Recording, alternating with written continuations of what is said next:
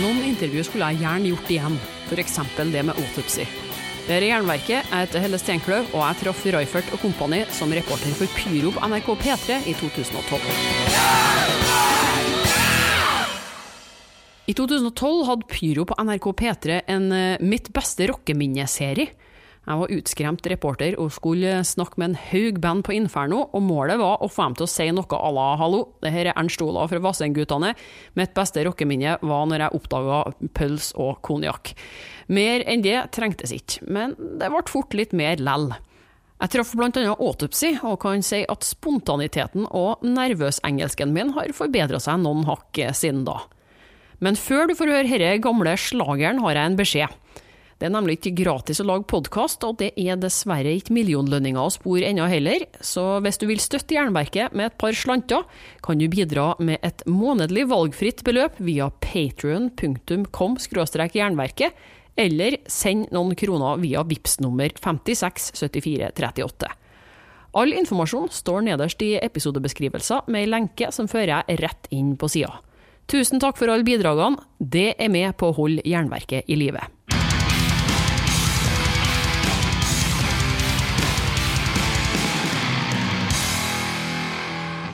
Yeah, I'm uh, sitting here with Autopsy, and I thought we could go uh, the round and just uh, where you present yourself, what you do in the band, and who you are.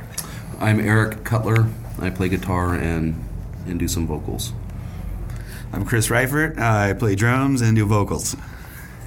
Joe Trevisano, and I am the bass player.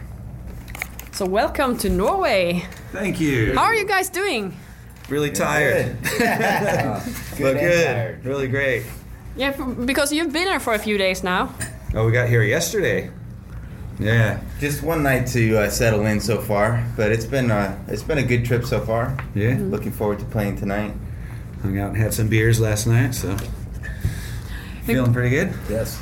But this is your first time at Inferno, isn't it? Yes.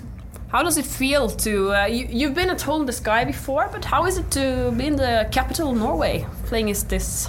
Oh, so far so good. We love it. It's obviously a big city, so and, and it's- when you're playing in a big city, there's a good, you know, chance there's going to be a lot of people there. So that's what you want. So yeah, we're enjoying it. Oh yeah, yeah, it's gonna be kick ass. Are you going to see any bands for yourself uh, before you play?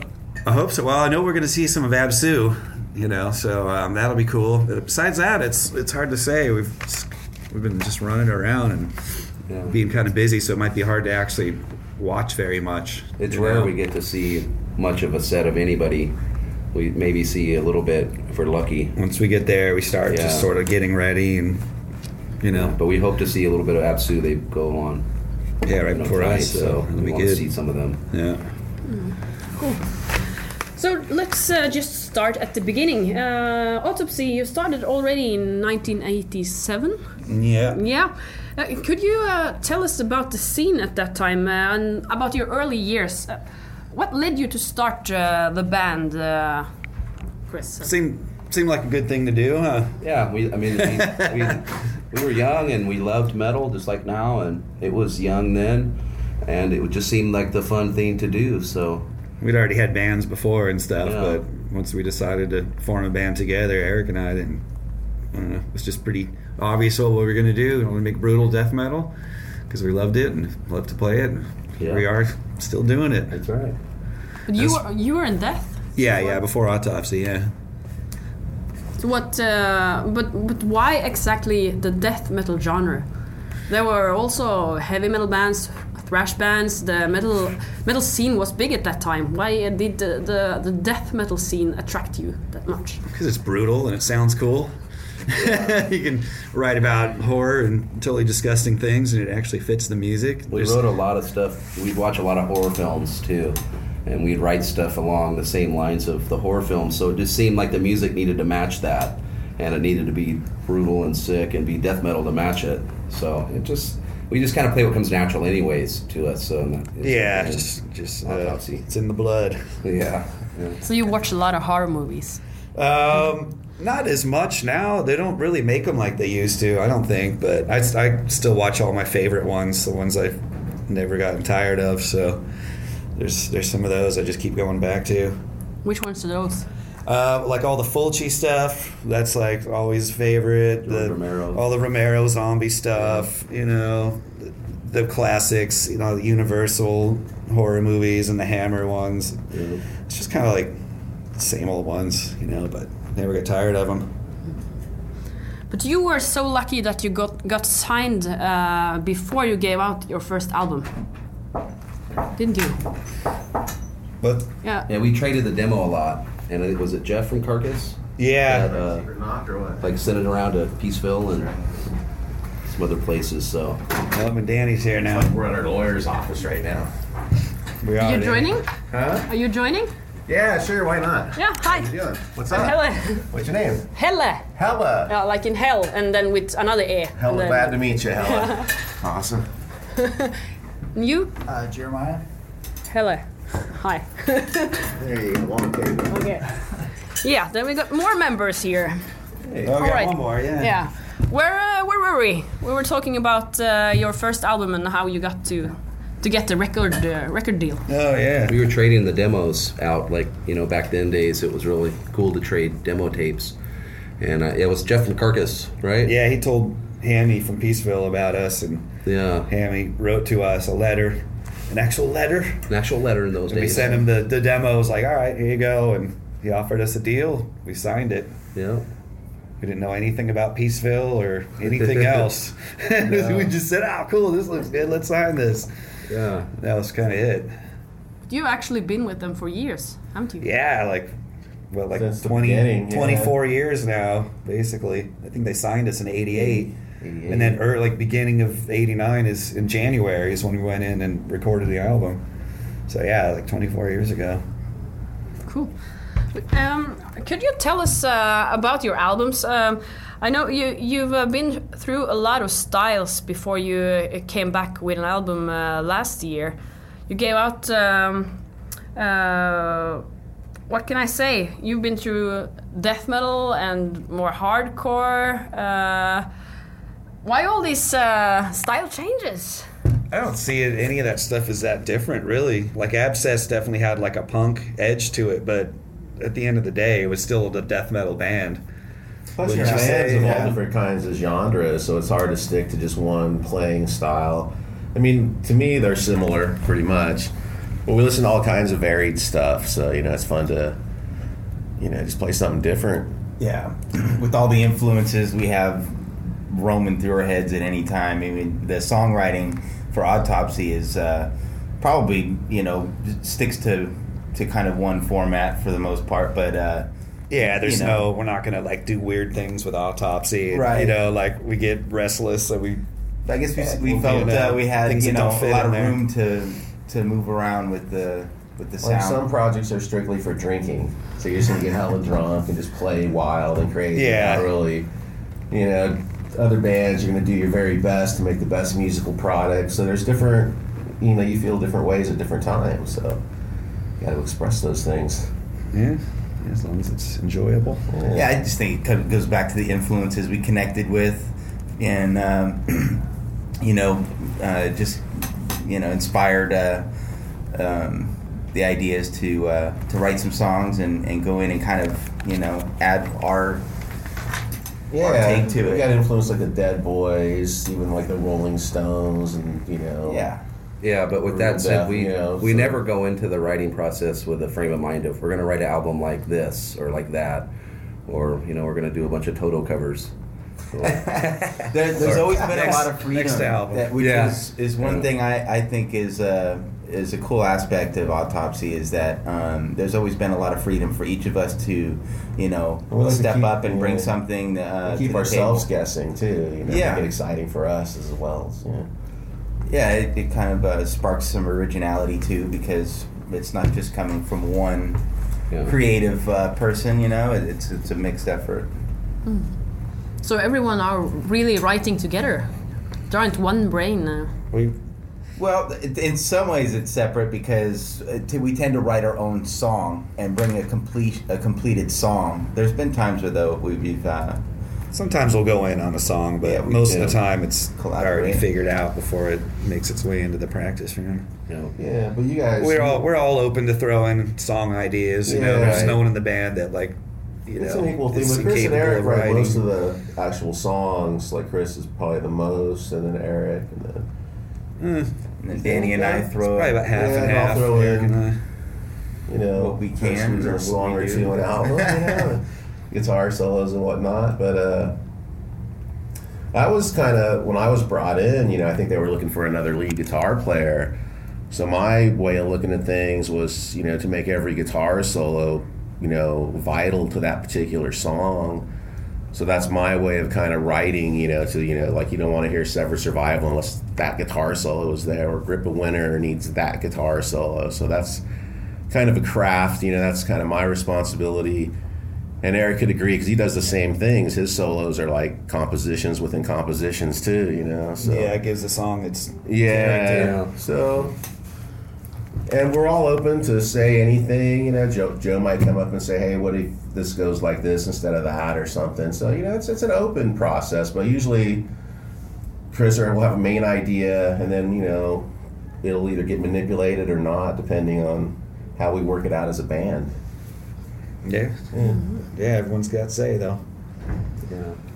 But uh, you've been through tough times too, because uh, at the end of the first uh, wave with Autopsy, there weren't many people coming to your concerts. Oh yeah, the good old days. Yeah. Good old Thanks days. for the memories. Beautiful times. We did. We had a lot of really good shows, and then sometimes it just mostly depended on if the show was uh, promoted well. Like on the the infamous final tour, you know, we we played a lot of places where no one knew that we were playing, and so we'd show up, and like a week later, you know, we'd have friends go, "Oh, you played right near where I live," and I didn't even know. The States never had like here in Europe. You guys have a great fan base, and everyone's into it and loves it and knows the bands. And even now in the states, it's not that big, but back then it was even less so. So, you know, it's a, it's a little niche. You either know or you don't. So, Yeah, we always did really good coming overseas, you Yeah. know, like Europe or you know, UK or now Scandinavia. Finally, yeah. So. yeah. So we had one rough tour, and then we did a few albums, and we gave it a break for a while, just just because that's what we felt like doing. But yeah, Uh, yeah. as long as it's worth it doing it. Yeah, there was no big one thing, but it was just kind of We weren't headlining festivals or nothing back then, yeah. so it's a little different now. But Yeah, we were living off of gas station food for weeks at a time. living in some beat up old Winnebago. Yeah, yeah, it in a was- van and pizza formation. Yeah, yeah. So you really got you got uh, superstars or big after you uh, split up or took a break. Then people uh, fi- uh, finally saw that where's autopsy? Where are those guys? Kind and when came you to appreciate it more after it was already done. yeah, because you I didn't could plan to come back. It took time to sink in because we weren't that popular back then. You know, these same songs as they were before, but people like them better now. I don't know Yeah, why, but there's a lot of new people, a lot of younger people, you know, that never Yeah, that heard too. this stuff. So Plus, the scene's evolved so much Yeah. since then. There's so many bands now, and you know there wasn't a lot of bands then writing songs with really brutal death metal lyrics too. You know now there's eh, you know everybody's trying to you know write the sickest theme now, so it's it's a lot different now than it was. Back Now most people days. know what. Even people that aren't into it, at least nowadays, have heard of death metal. yeah. Like if you would have, like when we first started, if you would have, you know, just mentioned that to the average person and just be like, huh. You know what the hell are you Yeah. talking about now? I'm like, oh yeah, I know what that stuff is. I don't like it, or it's great. But it must be kind of weird because you're credited like as one of the really big ones in death metal, and other bands which have had success like Cannibal Corpse and Deicide and Immolation, they they say that uh, you're one of the really big um, inspirational. Uh, what is it called? Sources for them. It's pretty awesome to hear Yes, things yeah, like that. You know, it's very flattering. Why do you think your band? Um, Part of it's timing because we Yeah. came out before a lot of other bands. So, and then the other part of it is is um, we've we've always tried to not sound like anything else. There's a lot of metal bands, but I think you can always tell an autopsy song when you hear it. It doesn't sound like anybody else. I think the bottom line is great songwriting.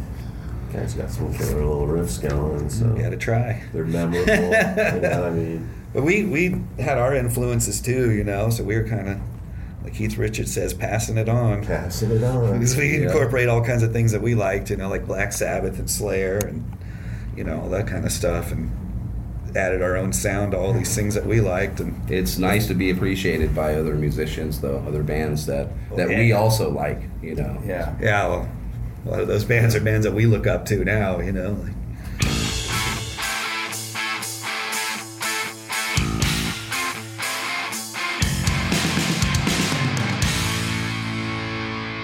Why did you decide to come back? Because you had a long break, and you, uh, mostly you played in other bands uh, at this Yeah. time.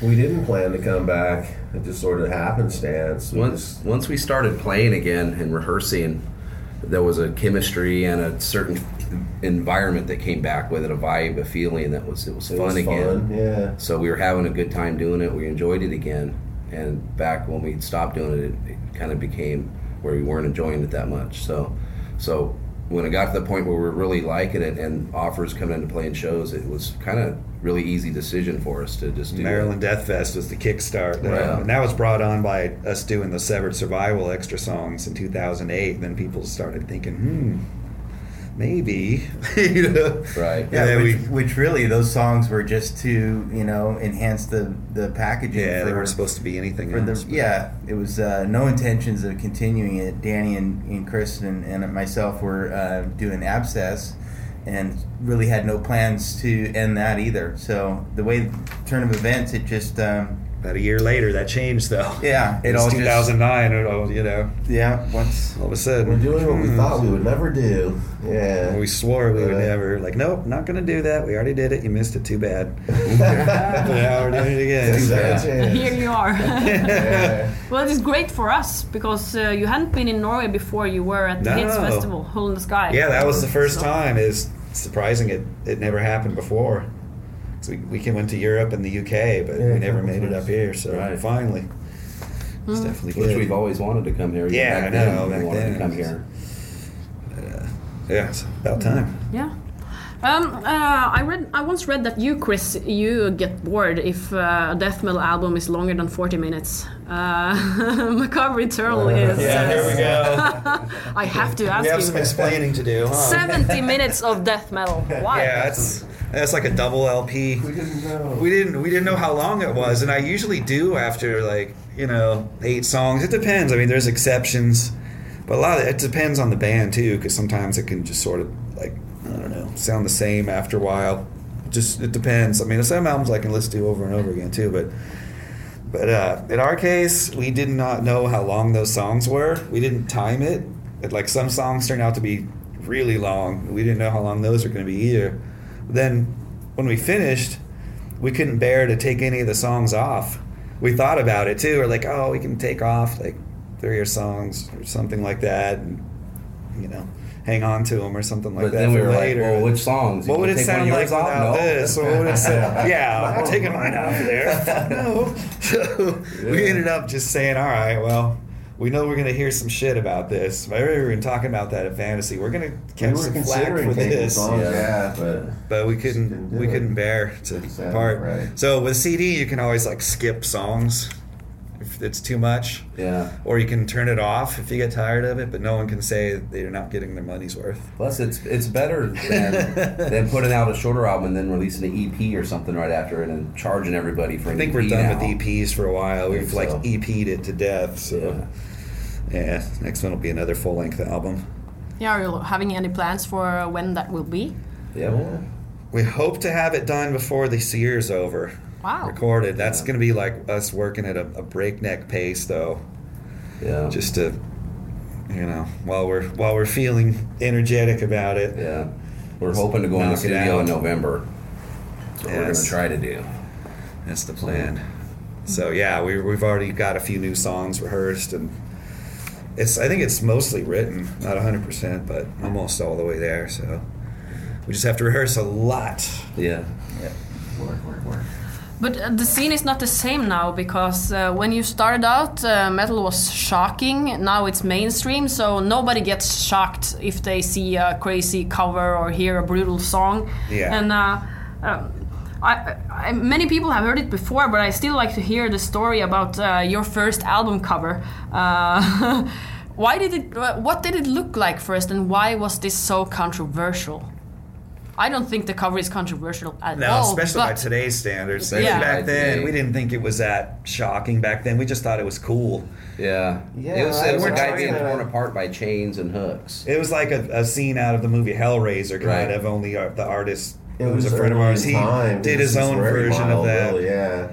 The good news is we got the second cover, which is pretty sick too. So, It was. But, we uh, never tried to be shocking, though. We weren't like, oh, we're gonna freak people but we out never with thought this. it we're was just the like, grossest that's thing in the world either. We just thought it was cool, but we were surprised Yeah. that everyone was so upset about it. Like, what's so The wrong with it? Peaceville, the label that we're on, they had some. I guess maybe some distributor said that they wouldn't take the album because of the cover. I don't Mm-hmm. know. I think it got sort of like played up more than it really was. Like I don't think it was that big of a deal. But Peaceville said, "Oh, you know, how would you feel about coming up with a, a different album cover for a, a reissue of it?" And we just thought, more art, cool. Yeah. So, Yeah. and he had a great artist lined up to do it, so it just turned Great out. image. It's funny Awesome. because now, if we were asked it, we would probably say, no, "Hell no, we're not going to do another album cover." But uh, for something, but at the time, it just seemed like a neat thing to do. We were excited, especially when we saw the the second album cover. We're like, all right, now we got two great album covers for one album. I think we were in. Europe when we seen the second cover.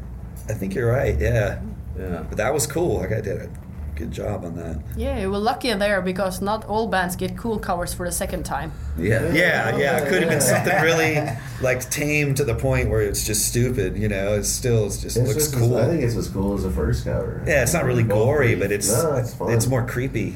When I was at the dentist the other day, and they're all, I was thinking of that cover, because I'm laying there, and these people are, like, oh, "I did my survival album cover.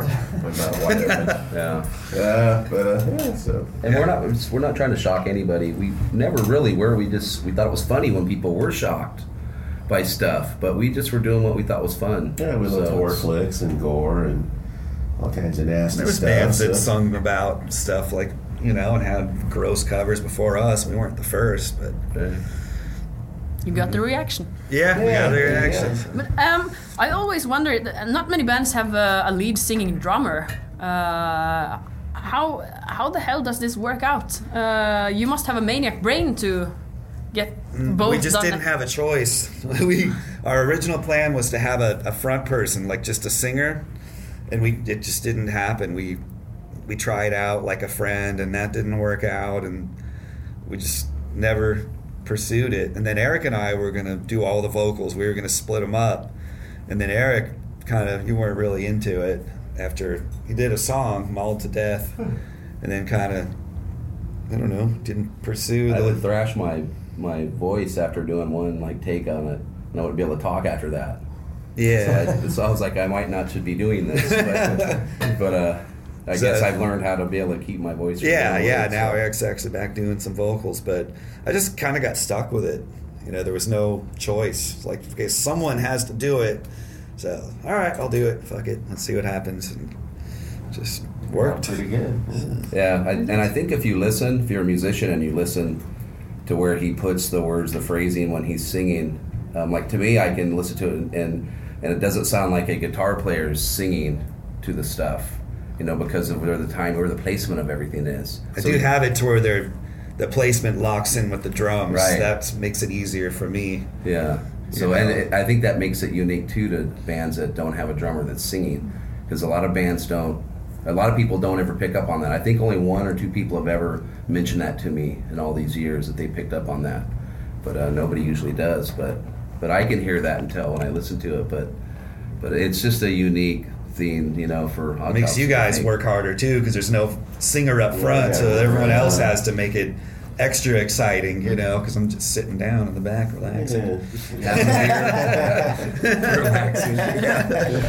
so these guys got to fucking run around even more and Do make it juggling, nuts. Yeah, magic tricks, juggling and, chainsaws you know, and keep fucking. the crowd entertained. That's Right. that's why I'm singing a little bit more too, because it's breaks it up a little bit from just having all the vocals on the drums too. So And you don't don't have to juggle chainsaws. No. Like, well, he's doing that too. That's what makes it really good.